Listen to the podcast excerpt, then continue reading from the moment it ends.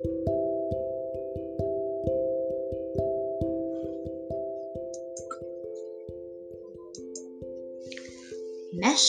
Misikéről A lábmosást abból a célból találták ki, hogy tiszta legyen a lábunk, Misike azonban tudja, hogy ez egy óriási tévedés. A lábmosás célja az, hogy őt, Misikét megkínozzák. Épp ezért mindent elkövet, hogy ne kelljen lábat mosnia.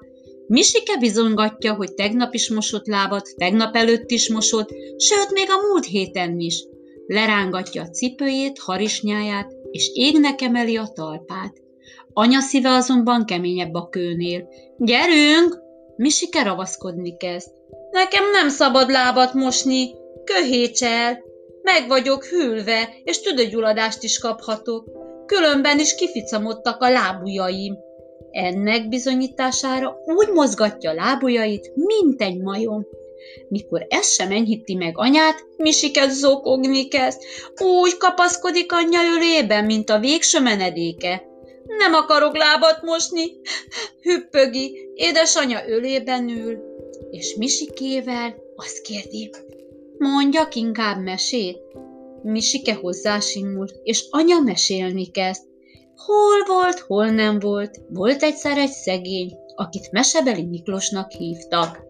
Ez a Miki ügyes, okos fiú volt, csak épp nem tudott gyorsan szaladni, ezért igen-igen busult, mert a gyermekek mindig utolérték őt fogocskázás közben, és a foci csapatba sem vették be. Gondolt egy nagyot mesebeli Miklós, és elment egy doktorbácsihoz. Elpanaszolta neki búját baját, a doktorbácsi így szólt. Mi sem egyszerűbb, mosd el meg minden nap, és a lábadat is mosd meg alaposan. A víznek varázsereje van. Felfrissít, pihentet, megedz. És Mesebeli Miklós megfogadta a doktor bácsi tanácsát. Még aznap megmosdott és lábat is mosott. Lássatok csodát! Másnap már gyorsabban szaladt, mint annak előtte. Addig mosta a lábát, amíg mosakodott, addig futott, míg úgy szágoldott, mint a szélvész. A gyermekek valósággal könyörögtek neki, hogy álljon be a foci csapatba, Idáig jutott édesanyja mesével, s talán még folytatta volna, de Misike leugrott az öléből. Anya! Édesanya! Menjünk a fürdőbe! Lábat akarok mosni! És derékig megmosdom. Én is focizni akarok. Azóta Misike minden este egyedül önszántából megmossa a lábát, sőt, még meg is szappanozza.